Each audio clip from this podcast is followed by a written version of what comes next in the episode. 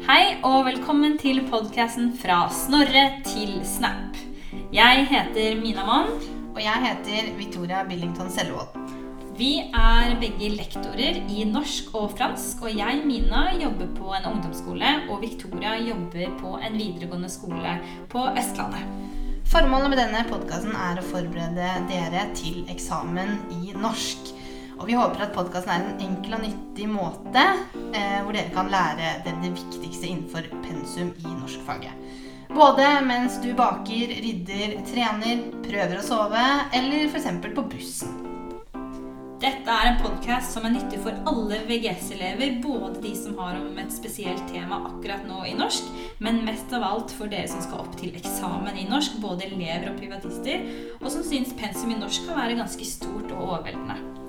Eller kanskje du bare vil svare riktig på 1000-kronerspørsmålet på quiz, brife med intellektuell kunnskap i vennegjengen, eller rett og slett bare er interessert i norsk språk og kultur. Uansett, vi håper at du lærer noe, og at du blir klar til eksamen. Hei og velkommen til denne episoden av Fra Snorre til Snap, og dagens tema er modernismen. Modernismen er en kulturhistorisk periode fra slutten av 1800-tallet som strekker seg utover 1900-tallet. Og den når sitt høydepunkt kanskje etter første verdenskrig i Europa. Men i Norge så er modernismen på topp, spesielt etter andre verdenskrig. Realismen avløser den samfunnskritiske litteraturen på slutten av 1800-tallet, altså realismen, og vi kan si at modernismen går over i postmodernisme på slutten av 1900-tallet. Eh, og gjennom hele 1900-tallet så har på en måte litteraturen i Norge gått i to retninger. Eh, den ene retningen er den realistiske tradisjonen, altså man fortsetter den realistiske tradisjonen fra 1800-tallet. Den andre retningen, det er altså modernismen. Og det er den modernistiske litteraturen vi skal snakke om i dag.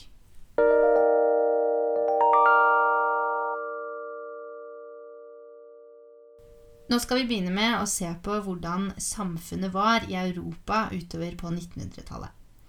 Samfunnet var preget av store og hyppige endringer når det gjaldt vitenskap, teknologi og da spesielt også medier og kommunikasjon. Dette var da eh, en konsekvens, eller en følge, av den industrielle revolusjon allerede fra 1760. Vi så også en økende globalisering når det gjaldt endringer i politikk, kultur og økonomi. Industrialiseringen førte til at storbyene vokste, og folk fortsatte å flytte mer og mer inn til byene. Det var jo her eh, arbeidet ble effektivisert og automatisert, og det var jo ofte i byene hvor eh, jobbene befant seg. Så man så en fortsettelse av denne urbaniseringen. Før så var det slik at fremskrittene i samfunnet ble sett på som positivt og var drevet av opplysning og fornuft, som vi også husker fra opplysningstiden. Eh, men nå så opplevde mange at disse endringene skjedde veldig fort, og de ble opplevd som kaotiske, og livet ble for mange sett på som meningsløst. Da f.eks. maskiner overtok eh, store deler av arbeidet. Og det var jo spesielt én hendelse som tok eh, knekken på denne fremskrittstroen, og det var første verdenskrig. Første verdenskrig førte med seg veldig mange vonde erfaringer for hele Europa, og man begynte å stille seg spørsmålet hva er denne eh, teknologien og dette fremskrittet godt for hvis vi bruker det vi har lært, kun til å utslette og drepe hverandre. Og det var andre ting også som rokket ved det faste og det tradisjonelle og det som menneskene hadde opplevd som det vante gjennom mange tusen år. Eh, det var jo bl.a. at vi i stor grad var blitt et sekularisert samfunn der mennesket var nødt til å finne mening selv. Og det i seg selv fjernet jo mye av den tryggheten man hadde hatt eh, før. Karl Marx han snakker også mye om den fremmedgjøringen som mange hadde begynt å kjenne på. Han snakket eh, om det i forbindelse med fabrikkarbeid. Han mente at eh, mennesket følte seg eh, fremmedgjort i eh, arbeidet sitt, fordi arbeidet gjerne ble opplevd som monotont, kjedelig og meningsløst. Og man så ikke lenger en helhet eller sammenheng som man kanskje gjorde før, da man fulgte en prosess fra A til Å, og nå var man kanskje med bare på en liten brøkdel av, eh, av den. Så vi ser altså at det er flere ting som bidrar til at mange følte at samfunnet nå var litt i oppløsning. Og denne fremmedgjøringen og følelsen av meningsløshet gjorde nok at det kanskje var behov for en ny uttrykksform. Når det gjelder Norge, ser vi de samme tendensene her som i resten av Europa. Fra slutten av 1800-tallet og utover 1900-tallet så var Norge eh, et land i vekst. I økonomisk vekst. Byene vokste, teknologien utvikler seg, og i 1905 blir vi til og med selvstendige. Men eh, de raske samfunnsendringene fører også med seg en slags uro i befolkningen. En uro som vi ser tydelig tegn eh, av i kunst og kultur.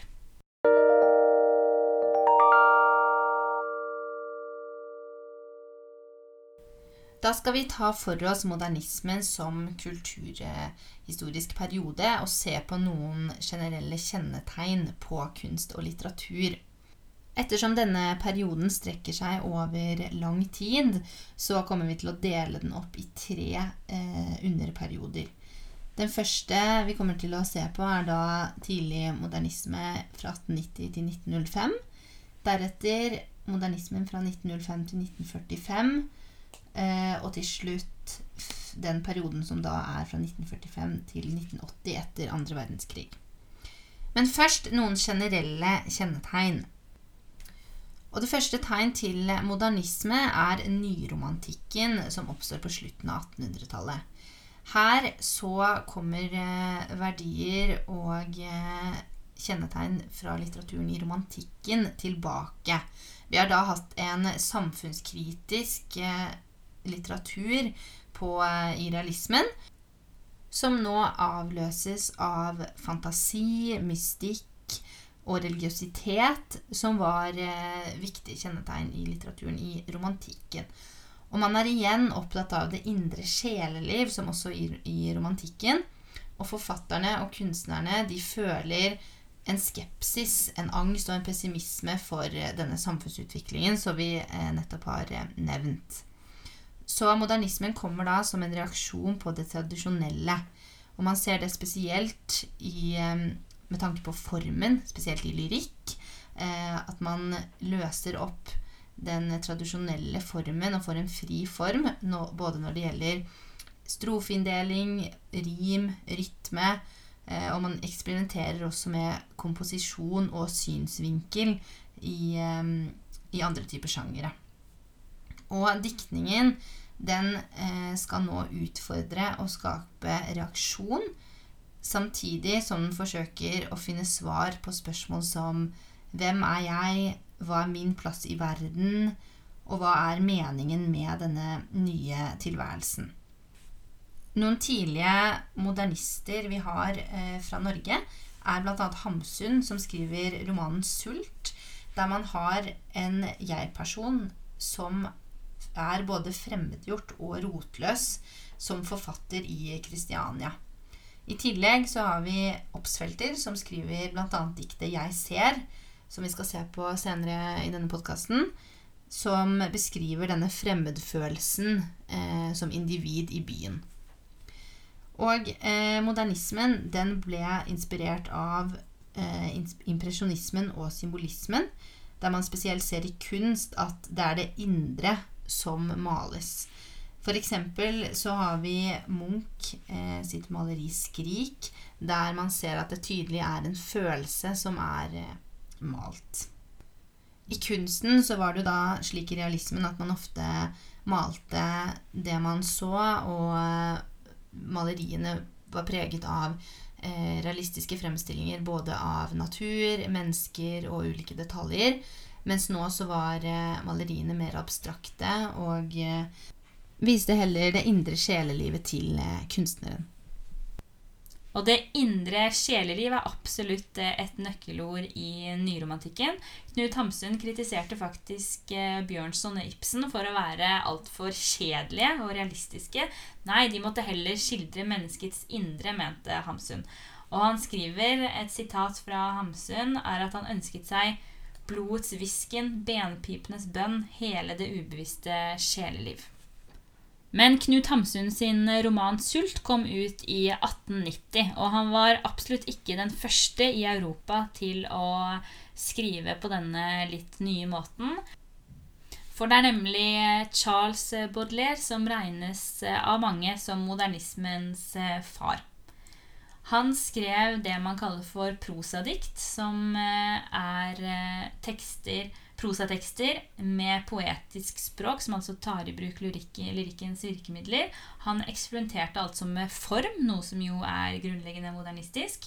Men i tillegg så skrev han tekster om storbyen, og han skrev om den fremmedfølelsen man kunne kjenne på eh, som en ensom mann i eh, storbyen, alene med en eh, angst knyttet til byen, men også en slags fascinasjon. Så det tok han for seg i tekstene sine, og derfor regnes han av mange som eh, den første modernisten. Deretter beveger vi oss fra nyromantikk og tidlig modernisme til den modernismen som vi ser fra rundt 1905 til 1945. Og en stor begivenhet som preger denne perioden, er selvfølgelig eh, første verdenskrig, og etter hvert også andre verdenskrig. Um, tematikken som blir tatt opp i tekster fra denne tiden, det er uh, spesielt da fremmedgjøring, men også uh, teknologi versus uh, mennesker og natur. Det blir viktig um, tematikk i tekstene denne tiden. Og som vi har sagt før, så eksperimenterte poeter og forfattere med form. Diktene var ofte uten rim og spesiell rytme, og man eksperimenterte med språket. Og en av de som er veldig kjent for å ha eksperimentert mye med språket, det er James eh, Joyce. Og han er spesielt kjent for eh, tankestrøm og en ekstrem språklig kreativitet. Vi har også vår kjære Rolf eh, Jacobsen, en norsk dikter som skrev modernistisk lyrikk. Og et dikt han har skrevet, skal vi ta opp litt senere i denne podkasten. Etter andre verdenskrig så har man en følelse av at eh, verden ligger i ruiner. Det er særlig nå at den modernistiske diktningen får sitt gjennombrudd i eh, Norge. Eh, innholdet i tekstene i denne perioden mellom 1945 og 1980, det er da spesielt eh, krigens ondskap, igjen fremmedgjøring, også eksistensielle spørsmål. Hvem er jeg oppi alt dette? Og etter 1960 så ser vi også mer fokus på eh, samfunn, politikk, opprør, kvinnefrigjøring. Eh, form igjen, brudd med det tradisjonelle. Det er dikt uten rim, dikt uten rytme. Man eksperimenterer fortsatt med språket. Eh, og etter hvert så ser vi også det som vi kaller for nyenkelhet, som vi tar opp litt senere. Kjente forfatter fra denne perioden i Norge er bl.a. Gunvor Hofmo og Tarjei Vesaas. Tarjei Vesaas er spesielt kjent for sin, eh, sitt rike bildespråk, som får frem denne angsten og fremmedgjøring som er så typisk for eh, perioden. Men det var ikke alle som var like fornøyd med denne nye og litt eksperimentelle måten å skrive på. Nei, det stemmer. Eh, og det oppstår faktisk en debatt utover på 1950-tallet. For de som var eh, tilhengere av eh, tradisjonstro, kunst og litteratur, som da går parallelt med modernismen, de sto imot modernistene. Og det oppsto en ganske heftig debatt. Arnulf Øverland mente bl.a. at man ikke trengte noe annet enn det tradisjonelle formspråket, fordi han mente at med dette språket så kunne man eh, uttrykke alt det man ville gjennom eh, kunst og litteratur. Eh, han mente bl.a. at eh, den modernistiske uttrykksmåten eh, bare var tegn på mangel på talent. Eh, han mente at språket de brukte, var meningsløst, og han kalte det for tungetale. Og denne debatten mellom modernistene og eh, de som var tilhengere av tradisjonstro, kunst og litteratur, ble derfor kalt tungetaledebatten. Så eh, de tradisjonelle eh, forfatterne de mente at modernistene de vendte ryggen mot leseren. Den modernistiske litteraturen var nemlig ikke så folkelig som den tradisjonelle, og den ble heller ikke så populær eh, som den tradisjonelle diktningen som eh, vi skal snakke om neste, i neste podkast, som da går parallelt med modernismen. Men Pål Brekke, modern, som var modernist, han mente at det tradisjonelle språket ikke var nok. Det kunne ikke beskrive denne moderne verden. Man trengte modernistisk, eh, en modernistisk uttrykksmåte for å kunne beskrive eh, dette nye samfunnet og den angsten og fremmedfølelsen som eh, menneskene følte på.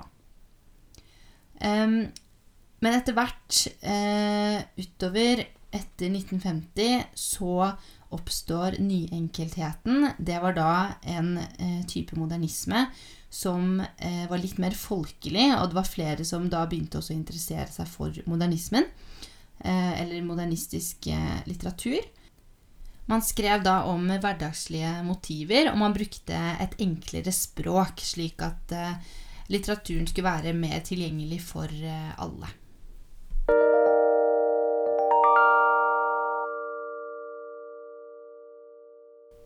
Da skal jeg ta for meg diktet 'Jeg ser', som er skrevet av Sigbjørn Obsfeller, og som kom ut i 1893. Sigbjørn Obsfeller er en av de første modernistiske lyrikere i eh, Norge, og han lot seg inspirere av Charles Baudelaire bl.a. Og dette ser vi veldig tydelig i de temaene han eh, tar opp. Obsfeller var også veldig opptatt av byen. Eh, I tillegg så skriver faktisk Obstfeller også prosalyrikk, slik som Baudelaire gjorde. Han har noen eh, korte tekster som eh, har et tydelig lyrisk språk.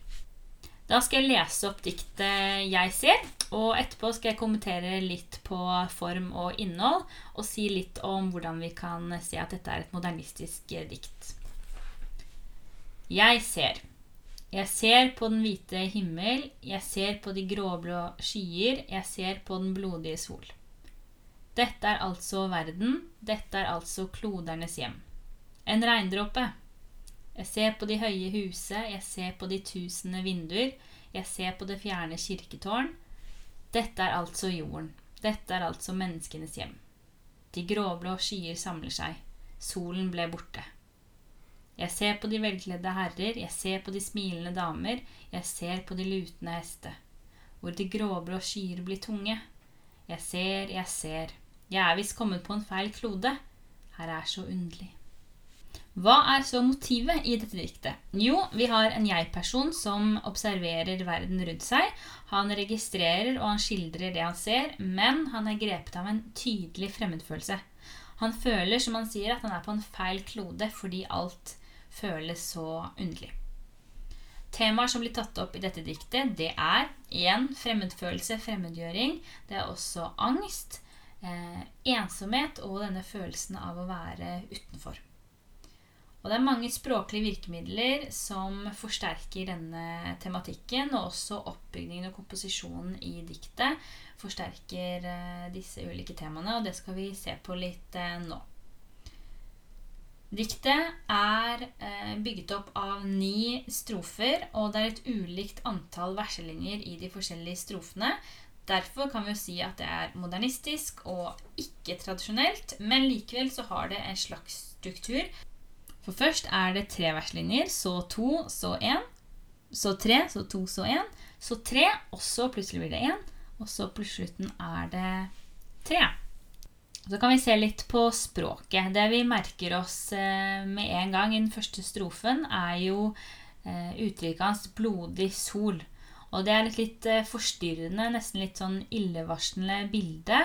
Og de to ordene eh, uttrykker motsetninger. Solen, som jo egentlig er et bilde på noe varmt, noe lysende, eh, får plutselig adjektivet 'blodig' foran seg, og det eh, virker veldig foruroligende.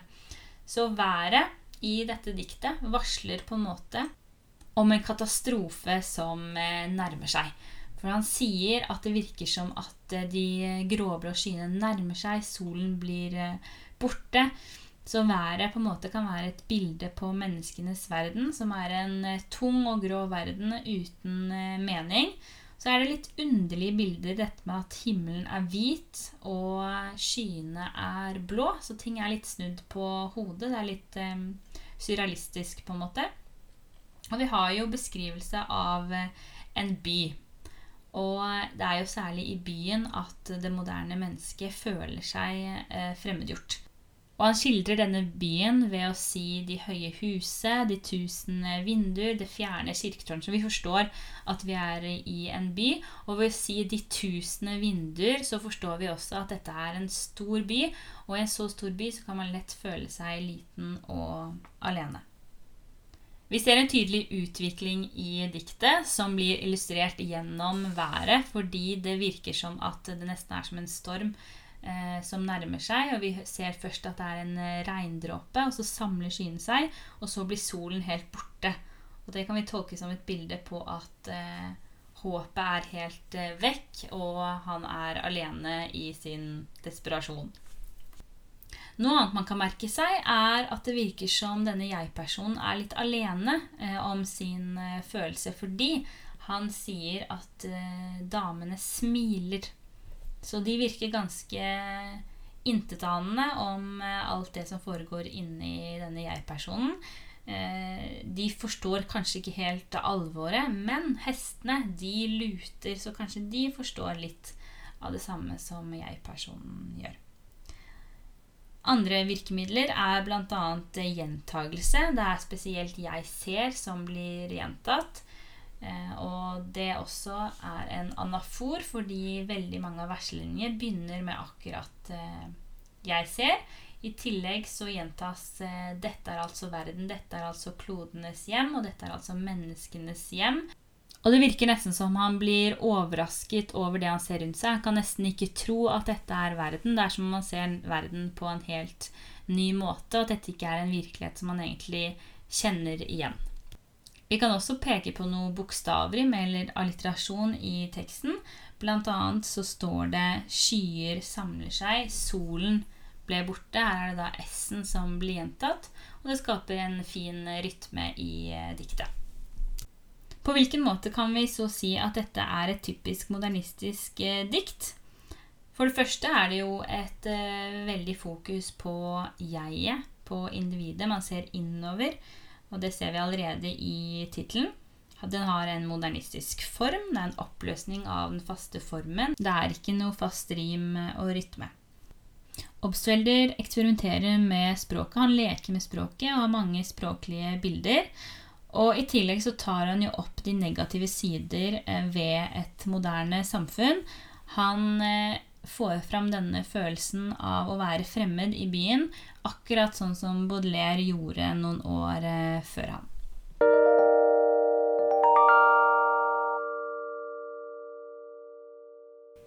Den neste teksten vi skal se på, er en tekst av den modernistiske forfatteren Rolf Jacobsen. Eh, han skrev mange tekster som handlet om sammenhengen mellom natur og teknikk. Og han skrev også ofte om eh, teknologi og spennet mellom en moderne livsfølelse og en tradisjonell livsfølelse. Han var eh, blant århundrets største norske poeter, og litteraturen hans er oversatt til mange språk. Og den teksten vi skal ta for oss nå, er eh, diktet 'Byens metafysikk'. Så jeg skal begynne med å lese dette diktet. Byens metafysikk. Under rennesteinsristene, under de skimlete murkjellere, under linjealleens fuktige røtter og parkplenene.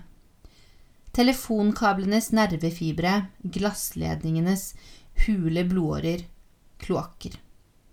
Fra østens skyhøye menneskealper fra Vestens villafasader bak Spirea, de samme usynlige lenker av jern og kobber, binder oss sammen. Ingen kan høre telefonkablenes knitrende liv. Ingen kan høre glassledningenes syke hoste i avgrunnen. Ingen kan høre kloakkerne tordne med slam og stank, hundrede mil i mørket. Byens jernkledde innvoller arbeider. Men oppe i dagen danser jo du med flammende fotsåler over asfalten, og du har silke mot lavnens hvite øye og ny kåpe i solskinnet. Og oppe i lyset et sted står jo jeg og ser hvordan sigarettenes blå sjel flagrer som en kysk engel gjennom kastanjeløvet mot det evige liv. Så hvis vi først skal se på motivet i dette diktet, altså hva diktet handler om, så eh, kan vi se at det er det som ligger under byen som beskrives. Renneristene, murkjellere, telefonkablene og alt det som ligger under bakken. Eh, og så, før de to siste strofene, så løfter eh, diktet seg opp til over bakken, og da eh, beskrives en kvinne kledd i eh, silke, og eh, det lyriske jeg eh, kommer frem i den siste strofen. Så kan vi begynne å se på formen på diktet. Og her ser vi med en gang at dette er et modernistisk dikt fordi det er en fri form. Vil si at det er frie vers. Og eh, dette kan vi se da det ikke er noe fast rim og rytme i diktet. Eh, man kan også se at det er forholdet mellom kroppen og byen som eh, blir nevnt i dette diktet. Og det ser vi da gjennom mange eh, beskjelinger. Blant annet har telefonkablene knitrende liv, og gassledningene har en, har en syk hoste. Eh, dette med at gassledningene har en syk hoste, eh, kan kanskje bety at verden er syk. Eh, og som vi har lært, så hadde man jo et negativt syn på denne framgangen og denne teknologien. Så derfor så kan man tenke seg at eh, man vil få frem i diktet at det er noe galt med eh, verden. Eh, og man ser jo også at eh, det er en del negativitet når det kommer til eh, denne undergrunnen av byen som blir beskrevet. Man kan bl.a. Eh, se at det er eh, brukt ord som slam og stank. Man kan si at det er innvollene som arbeider. Det er skimlete murkjellere, fuktige røtter eh, og eh, usynlige lenker av jern og kobber. Så man får en sånn litt sånn eh, uggen følelse av hva som egentlig rører seg under overflaten. Hvis vi skal se på hvilke temaer som eh, kommer frem i diktet, så ser man også at det er typiske modernistiske temaer. Blant annet så er det en fremmedgjøring av eh, byen. Man ser at den er eh, kald, den er metallisk, eh, og man ser også en usikkerhet. Eh, blant annet så brukes eh, virkemidlet anafor Altså en gjentagelse av første ord eh, i flere verslinjer etter hverandre. Blant annet så eh, står det skrevet at ingen kan høre telefonkablenes knitrende liv. Ingen kan høre glassledningens syke hoste i avgrunnen. Så man kan se at det er en usikkerhet rundt hva som egentlig skjer eh, under bakken i byen. Eh, I tillegg så kan man også se en, et tegn til klasseskille. Eh, når han beskriver dette duet når eh, blikket løftes over bakken, så er det da et du med silke mot navlens hvite øye og, og og i ny kåpe i solskinnet. Dette kan være et eh, tegn på overklassens naivitet. For som menn oppe i dagen, så danser jo du. Selv om vi hører disse kloakkene tordne med slam og stank hundrede mil i mørket, så er det et menneske her som eh, danser, og som eh, tilsynelatende lever eh, livet sitt oppå disse rennesteinsristene og murkjellerne som er skjult under overflaten. Også menneskets indre sjeleliv og angst kommer frem hvis vi ser på denne byens undergrunn som et tegn på menneskekroppen og det som skjer inni mennesket. På overflaten er tilsynelatende alt bra, Men hvis man graver dypere, så finner man både skitt eh, og møkk. Så det kan eh, symbolisere det, den indre uroen som befant seg hos menneskene i denne teknologiske, nye, eh, kaotiske verden. Eh, temaer som urbanisering og teknologi er jo også tydelige temaer. Da det er byen som tydelig beskrives, og også tittelen på diktet, som heter da 'Byens eh, metafysikk'. Vi kunne selvfølgelig sett på eh, begge disse to diktene vi har nevnt nå, enda mer i dybden og trukket ut mye. I de modernistiske diktene så finner vi mange virkemidler og eh, mye spennende man kan eh, peke på. Um, vi har derfor valgt å fokusere på hva som gjør tekstene modernistisk. Uh, så vi håper at uh, du har fått en innføring i det.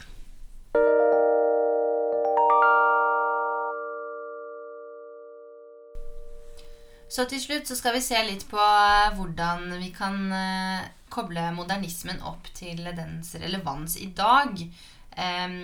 Vi tenker jo at det, det, er ganske mange likheter mellom den modernismen som oppsto på 1900-tallet og i dag.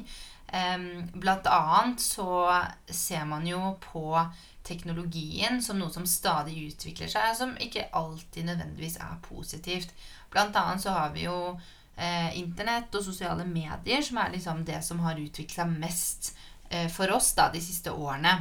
Eh, så dette med viktigheten av å koble fra eh, den teknologiske verden og ha typ sånn Sosiale medier-detox har jo blitt ganske populært, og eh, man jo også, har jo også en liten sånn frykt for hva den teknologien gjør med oss.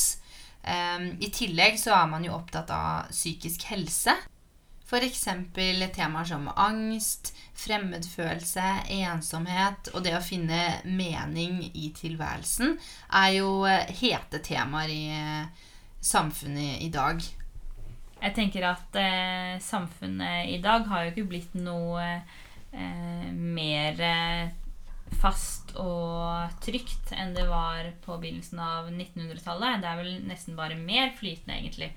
Mm. Um, så de tankene som oppsto i den perioden, vil jeg si er like aktuelle i dag. Og storbyene de fortsetter jo, å vokse, og det er mange som ønsker seg bort fra storbyene. Så man har på en måte ikke, selv om vi er vant til storbyene, så føler vi fortsatt på de samme um, ja, eksistensielle problemene, kanskje, da. Ja. Eh, og dette fokuset på individets plass i eh, denne veldig store, skumle verden. ja. ja. Og på en litt annen side av det så tror jeg alle i dag har en viss eh, følelse eller idé av hva egentlig modernisme er. Eh, og de fleste tenker nok på moderne kunst, f.eks. På noe som man ikke helt forstår. Noe abstrakt, noe som ikke har noe ordentlig motiv, og noe som man må eh, være en kunstkjenner for å forstå. Ja, og eh, ofte så bruker vi begrepet moderne også. For så snakker vi om ja, hva er det som er moderne nå? F.eks. innenfor mote og interiør. Og da snakker vi alltid om noe som, er, som bryter med det som tidligere har vært. da. Kanskje ja, for fem eller ti år siden.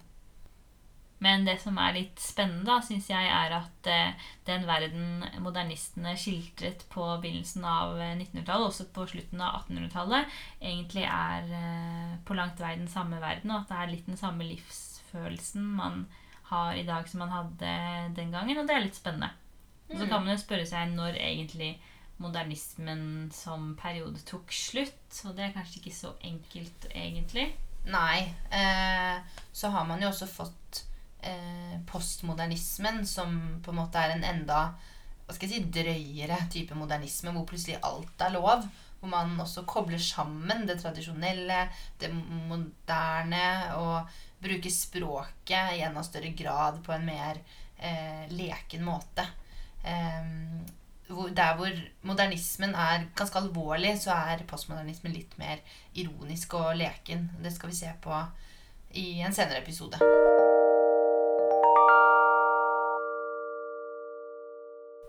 Ja, da til slutt så skal vi si litt kort om eh, hvordan eh, man kan bruke eh, kunnskap om modernismen eh, på eksamen. Eh, når det gjelder skriftlig eksamen i norsk, så eh, er det jo da eh, dette med å koble tekster opp mot hvilken periode de er skrevet i. en typisk oppgave man kan få, er å få utdelt noen modernistiske tekster som vedlegg. og skulle kunne peke på typiske modernistiske trekk i tekster. Man kan også eh, møte på en oppgave hvor man f.eks. må sammenligne en tradisjonell tekst med en eh, modernistisk tekst. Når det gjelder muntlig eksamen, så kan man få modernismen som periode som en egen oppgave. Ofte da så eh, må man også plukke ut noen tekster eh, der man viser hvordan tekstene passer inn i eh, modernismen, og peker på typiske modernistiske trekk også her. Det var alt vi hadde om modernisme for denne gang. Neste gang skal vi snakke om tradisjonalisme. En retning som gikk parallelt med modernismen eh, utover 1900-tallet.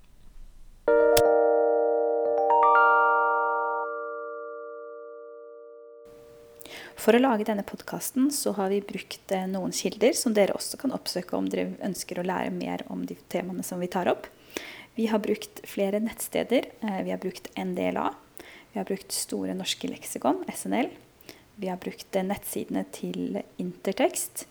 Og vi har brukt et nettsted som heter Lokus, og da først og fremst nettsidene til læreboka Fabel. Når det gjelder bøker, så har vi brukt eh, Grip-teksten, som er et læreverk for videregående skole. Eh, og vi har også brukt eh, Kontekst, tekster 1, eh, en lærebok for ungdomstrinnet.